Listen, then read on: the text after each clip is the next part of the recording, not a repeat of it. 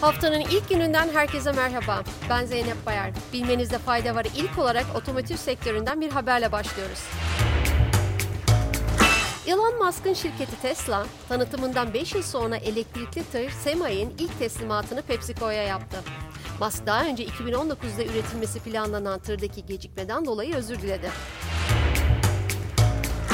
ABD'de toplam araç sayısının %1'ini oluşturan tırlar, araç kaynaklı karbon salınımlarının %20'sine neden olması sebebiyle yeni elektrikli tırların taşımacılıkta sürdürülebilirliğe geçiş için büyük önem taşıdığı biliniyor. Foxconn'dan yeni bir haber var.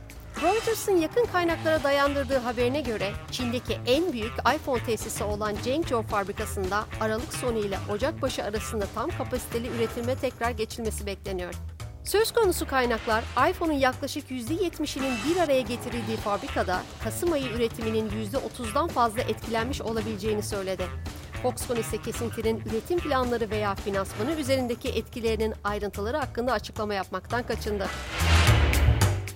Yeni Zelanda hükümeti Google ve Facebook gibi büyük dijital şirketlerin yerel haber içerikleri için medya şirketlerine ödeme yapmasını zorunlu kılacak bir yasa çıkaracağını duyurdu.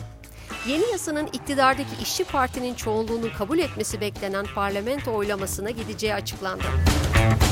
Sıradaki son iki haberimiz uzay meraklarına gelsin. Çin'in dünya yörüngesinde kurduğu Tiangong uzay istasyonundaki Taikonaut ekibi 6 aylık görevini tamamlayarak geri döndü. Uzayda 180 gün geçiren Taykonautların sağlık durumlarının iyi olduğu bildirildi.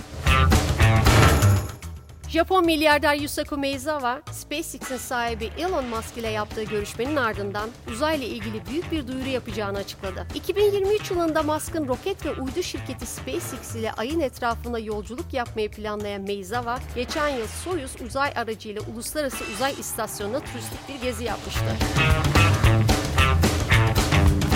Bilmenizde fayda varın bugünkü bölümünün sonuna geldik. Yarın tekrar görüşmek üzere. Hoşçakalın.